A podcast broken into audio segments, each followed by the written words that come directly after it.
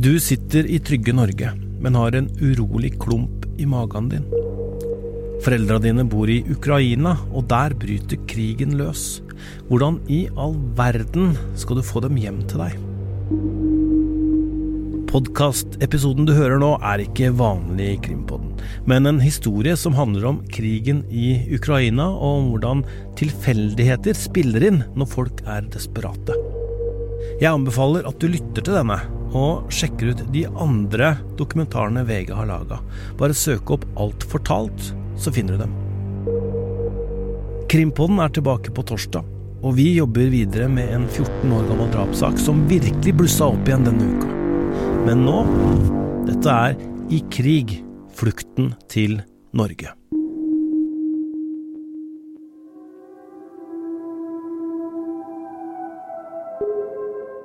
It sounded like, guns. Og så hadde jeg tatt med et norsk flagg. Det du skal få høre nå, det er noe annerledes enn det vi har brukt å lage i Alt fortalt. Vi skrur vanligvis sammen dokumentarserier, historier hvor vi vet hvor fortellinga slutter. Det er ikke det du skal få høre nå.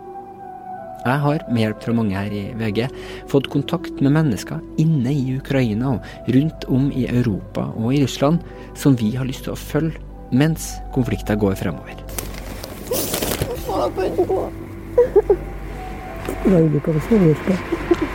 They were like uh, going under train. They were trying to uh, to to get into this train. She said that it was my fault, it was my fault, but we told her that it is not your fault, it is fault of that soldier who shoot in your house.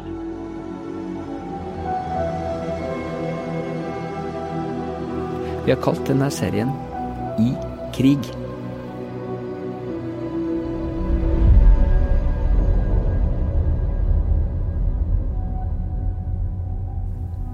Hvor de her fortellingene ender, det vet vi altså ikke. For de er ikke ferdig. De foregår nå.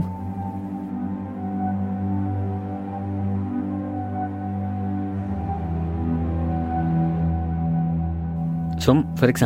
historien om designeren Aljona og fluktforsøket ut av krigen som hun planla på mobil og laptop fra Oslo. Hei, Aljone.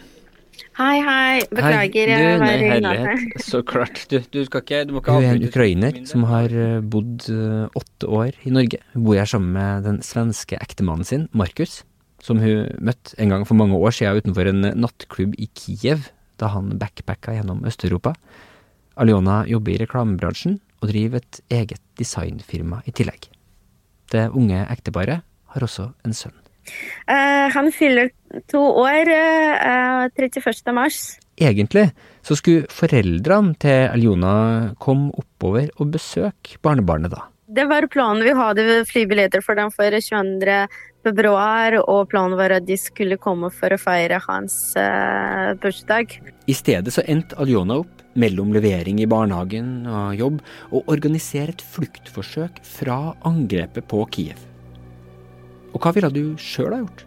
Om du plutselig skulle få dine foreldre ut av et land i krig? Ville du, som Aljona, klart å hente opp gamle barndomsvenner via Instagram, eksmenn til venninna av deg og fremmede med en elbil for å få foreldrene dine ut?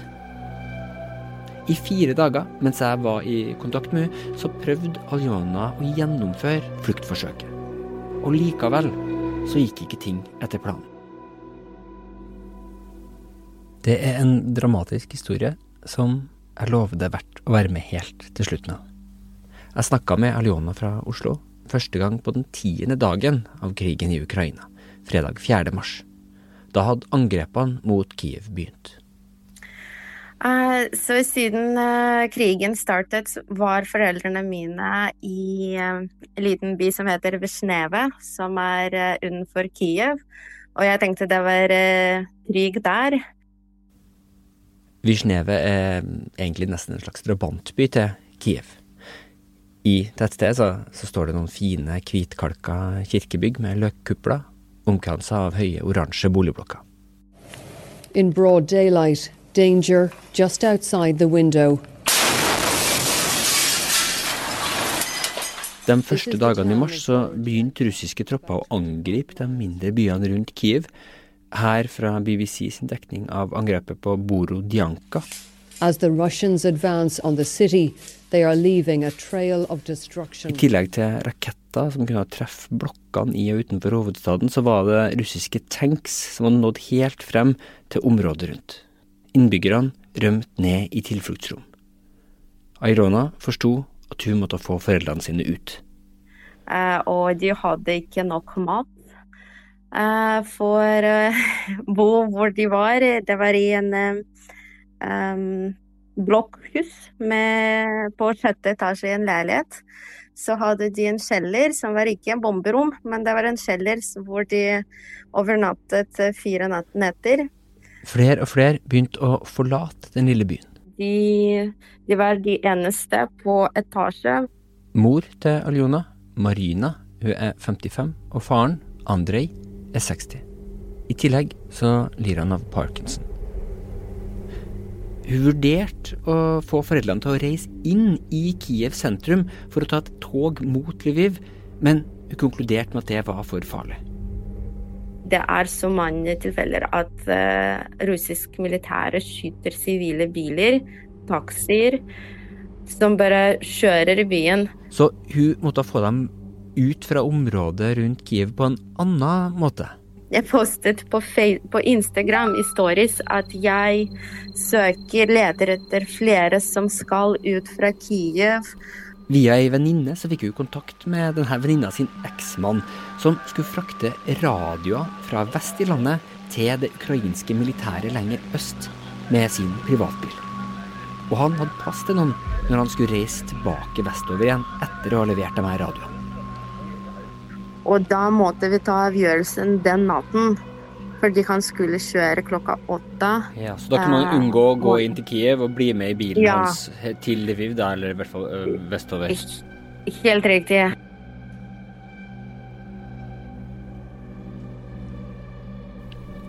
Det sa Aljona da jeg snakka med henne på krigens tiende dag, 4. mars. Den her eksmannen til ei venninne kunne altså etter å ha levert radioene hente ekteparet. De kom seg inn i bilen, og de freste vestover. De passerte forbi store hveteåkre gjennom små byer.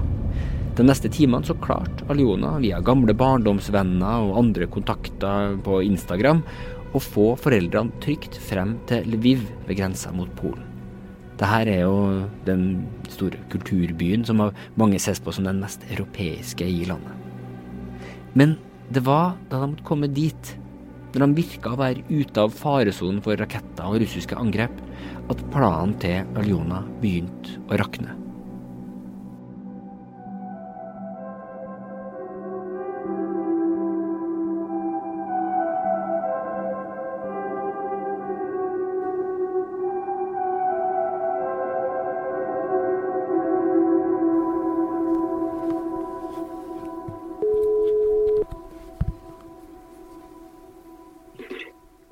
Hei, det er Elena.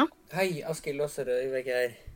Ja, hei, hei. Jeg tenkte bare jeg kunne ringe deg. Forstyrrer jeg deg veldig nå, eller?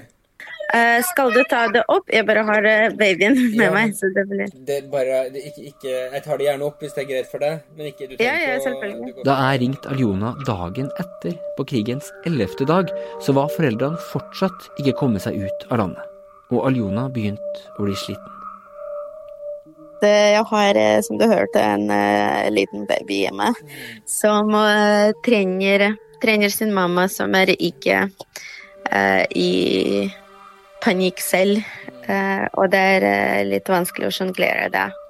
Og være, prøve å være til stede for barnet og prøve å få foreldrene til uh, være støtte for dem òg, fordi det er det som de ringer ofte, bare for å snakke. og og at jeg sier at det kommer til å gå bra. Men jeg håper det kommer til å gå bra, men jeg vet ikke det. Det er du som, Så, må, det er du som må være den voksne litt. Ja. ja. Ja, ja. For, eh, ja, for babyen og for foreldrene. Og ja, prøve å huske at eh, jeg trenger å klare dette her også, jeg. Hvis eh, jeg kollapser, så da er ingen Etter at foreldrene kom seg til grensebyen Lviv, så møtte de verdens største flyktningstrøm. Hundretusenvis av mennesker som forsøkte å komme seg ut av landet. Til denne flommen hadde økt i styrke ettersom krigen intensiverte seg. Byer som Kherson sør i landet hadde falt til russerne, som med atomkraftverket ikke så langt unna, og Kiev så nå ut til å stå for tur. Nå ble foreldrene til Aulona en del av denne flyktningstrømmen. Ting måtte endre seg veldig fort, fordi det er så mange som nå kommer med evakueringstog til Lviv. Og det er litt eh, kaos og panikk eh, på, på tog, togstasjon eh, og busser og alt. Så da måtte vi bare prøve å gjøre noe fort. Ja. Så vi prøvde å finne ut hvilken eh, overgangsstasjon er eh, mest sånn realistisk for vår del.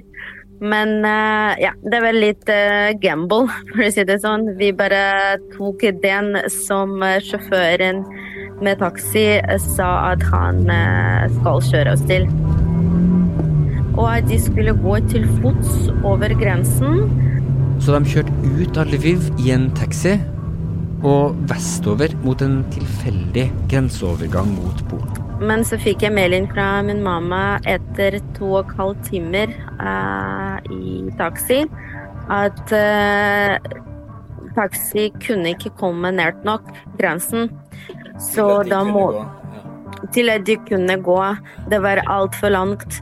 Så da flyttet uh, sjåføren dem til buss. Eh, og det er det som er siste oppdatering. De sitter i en buss. Og som pappaen min sitter på trappa, og mammaen min står, fordi det er eh, fullt med mennesker. Og det er ekstrem lang kø, og ingen vet hvor lang tid det kommer til å ta å gå over grensen. Blir det, blir det dag eller ikke, det vet ikke vi. Men mannen min eh, kjøpte flybillett for å fly i morgen eh, tidlig til eh, Krakiv. Det, eh, eh, det, er der, det er, det er planen. Så det var der, om bord på denne bussen, Aliona visste at foreldrene var da jeg snakka med henne på krigens ellevte dag. Da visste hun fortsatt ikke hva foreldrene var på vei imot.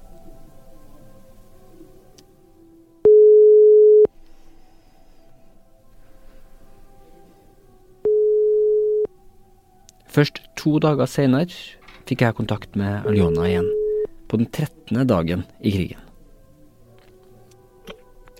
Hei. Hei, hei, Aljona. Hei. Hvordan går det? Uh, det går.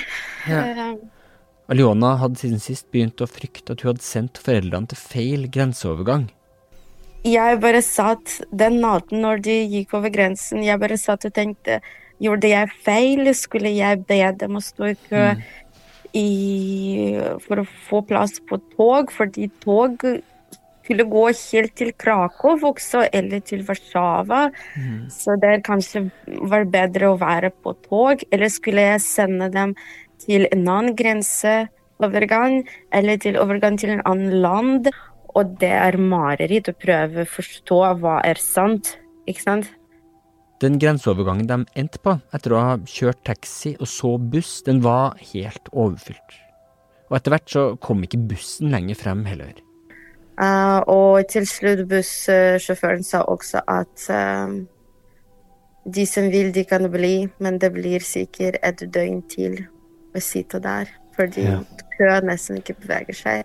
Eller kan de stå, begynne å stå i den menneskelige kø som går.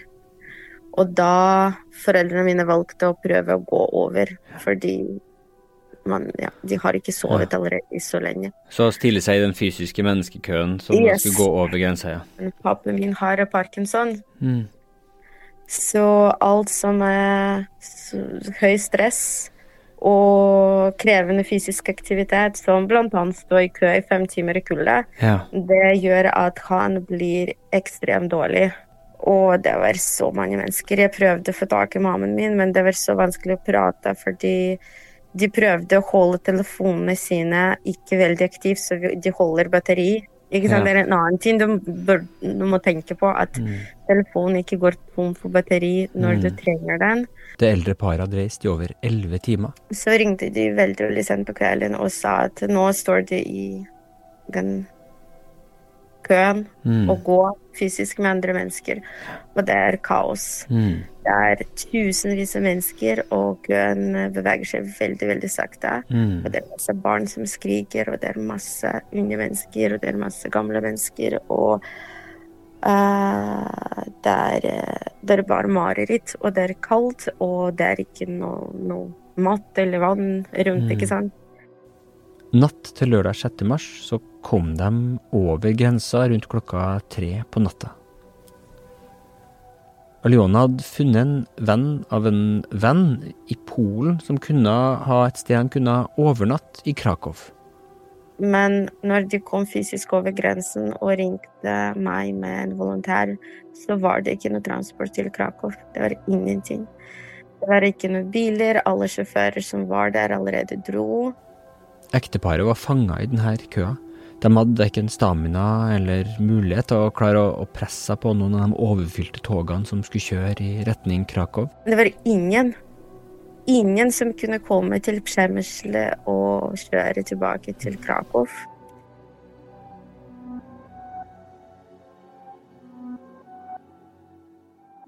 Og på Przemysl, når jeg ringte mamma, mamma min gråt, og pappa min satt på marken fordi utenfor togstasjonen fordi alle de tusenvis av mennesker som gikk over grensen, alle kom til Przemysl togstasjon.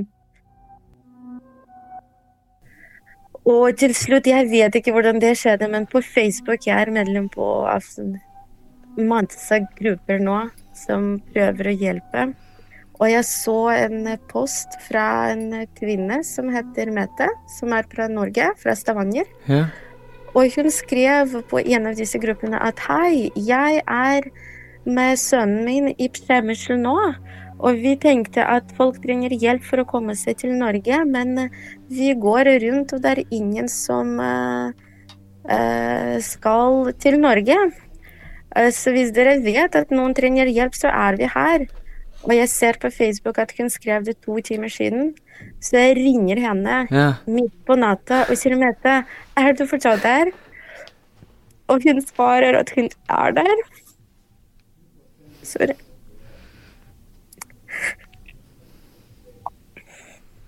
Men hun øhm, Hun skulle kjøre allerede da.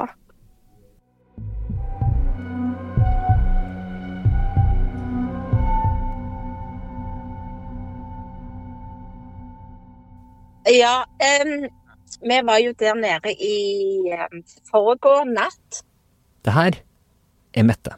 Uh, og uh, vi bare parkerte bilen i denne der eller den der byen. Og sønnen hennes, Christian. Eh, mamma kom til meg på en mandagsmorgen og spurte om jeg ville til Polen. Det sto jo med en gang hun ville jo ned og hjelpe noen. Så jeg, jeg syntes det hørtes like spennende ut som det gjorde så for mamma. De har ikke lyst til at vi skal bruke etternavnet deres, men som du hører, så kommer de fra Stavanger-regionen. De hadde bestemt seg nokså spontant for å kjøre ned til grensa mellom Polen og Ukraina, for å se etter om det var noen som hadde lyst til å være med tilbake til Norge. De kjørte nedover i en el-Audi, Eh, vi kjører en Audi E-tron, så ja. så det er ladestasjoner hele veien nedover. Ja, så vi lader hele tiden. Så vi, når vi kom til Rukkelov, tror jeg, litt etter Polen, så sa jeg til mamma at vi bare finner en leiebil, og så kjører vi bensin ned der. For det, det hadde ikke gått an å kjøre helt der nede. De endte tilfeldigvis opp i den samme grensebyen som foreldrene til Aliona, og de begynte å lete etter tilfeldige flyktninger som ville være med til Norge.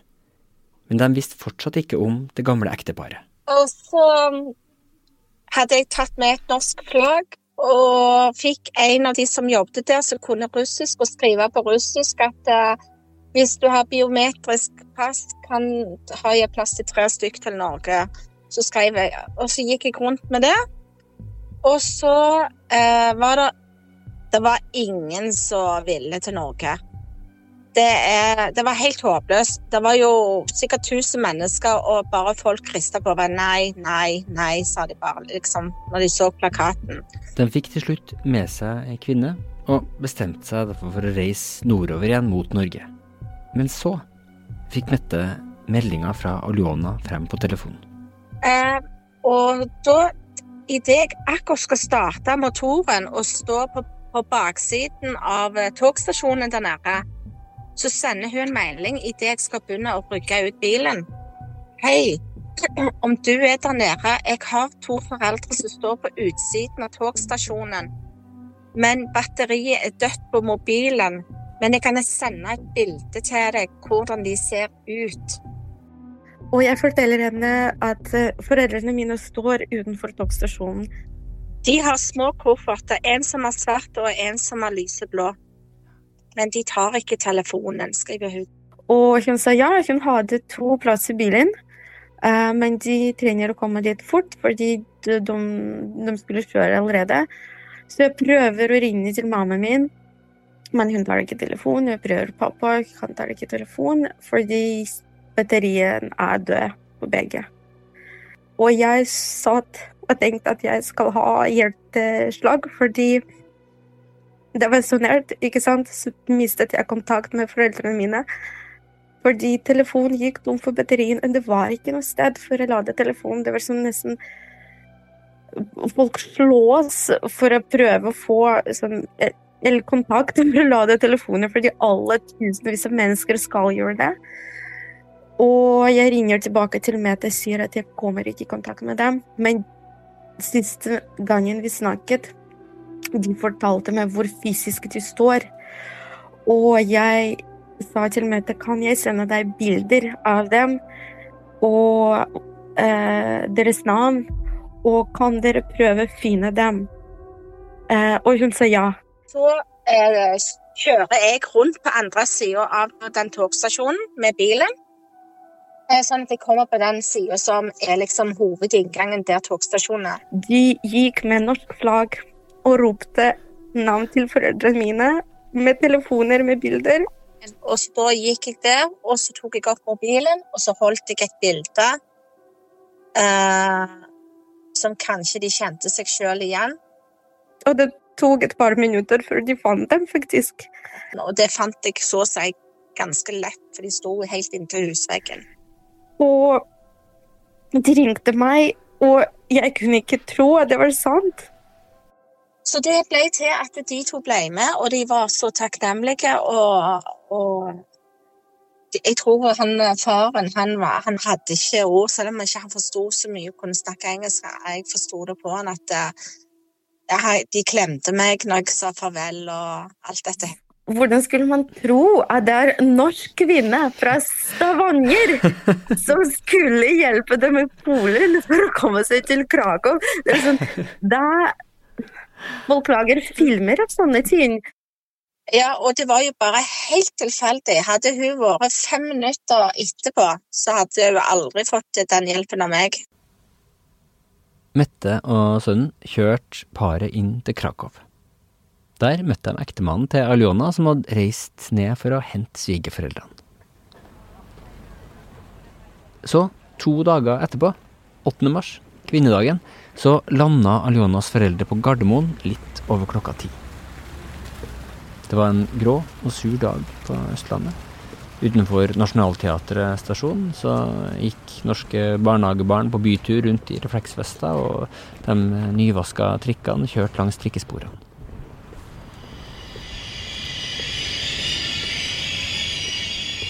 Langt ned under bakken på togstasjonen så sto Aljona og venta i ei blå lue og en tjukk grå fleecejakke. Hun hadde med seg en innpakka bukett blomster. Rosa, noen som var grønnaktig på kanten og rosa i midten. Akkurat den type rosa som faren brukte å kjøpe til dattera på kvinnedagen hjemme i Ukraina. Den dagen brukte de å feire ved at faren laga frokost til dem alle sammen. Toget fra flyplassen glei inn på perrongen, og foreldrene kom ut. Jeg tror det er dem. De hadde med seg en liten håndbagasje hver og en eller to papirposer med eiendeler. Ellers ingenting mer. Aliona sprang bort til henne.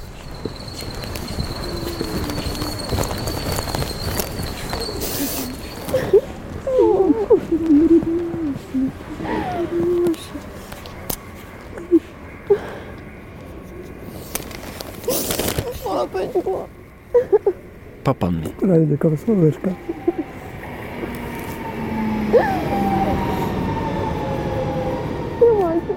Ты наш ангел-хранитель. Все тепер добре. Alt blir bra. Пішли торті купувати і шампанське пити.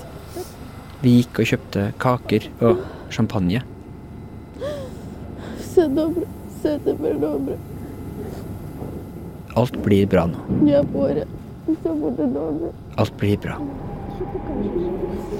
Вибачте, якщо я не так щось Нет, зробила. солнышко, ты наоборот, ты, ты все Можна було потягу, можливо, Ні-ні-ні. автобусом. А Це серед ночі ви йшли. Боже, Боже. Все позаду. Beklager om jeg har gjort noe galt, men beklager. Kanskje vi skulle gjort noe om det var midt på natta. Det ble midt på natta.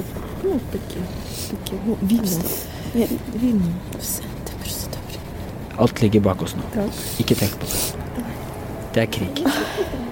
Det er krig.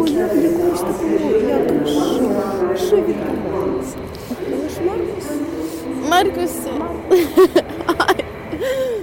My hero. Thank you. Breakfast is at home.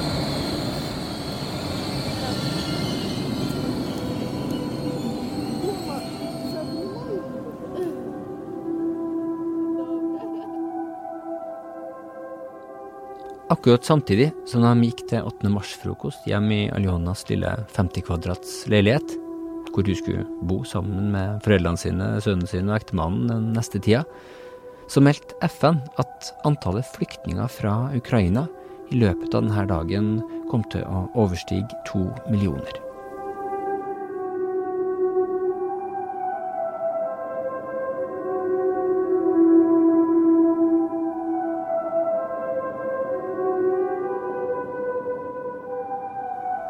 Det var historien om Aljona og foreldrene hennes. Det er en fortelling som, i hvert fall akkurat her, hadde en lykkelig slutt. I motsetning til så mange fortellinger vi hører fra denne krigen. Men den er ikke nødvendigvis ferdig av den grunn. For hva skjer med foreldrene til Aljona nå? Og i tillegg så er det alle de millioner av historiene til dem som er igjen i Ukraina.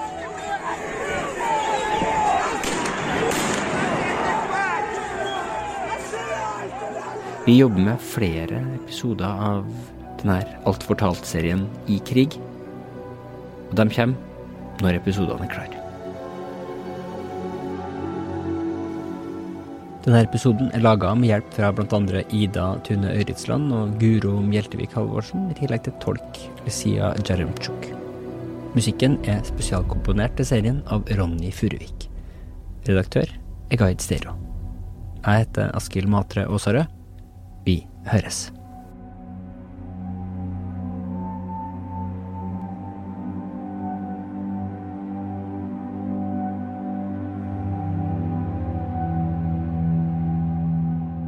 Du har hørt en podkast fra VG.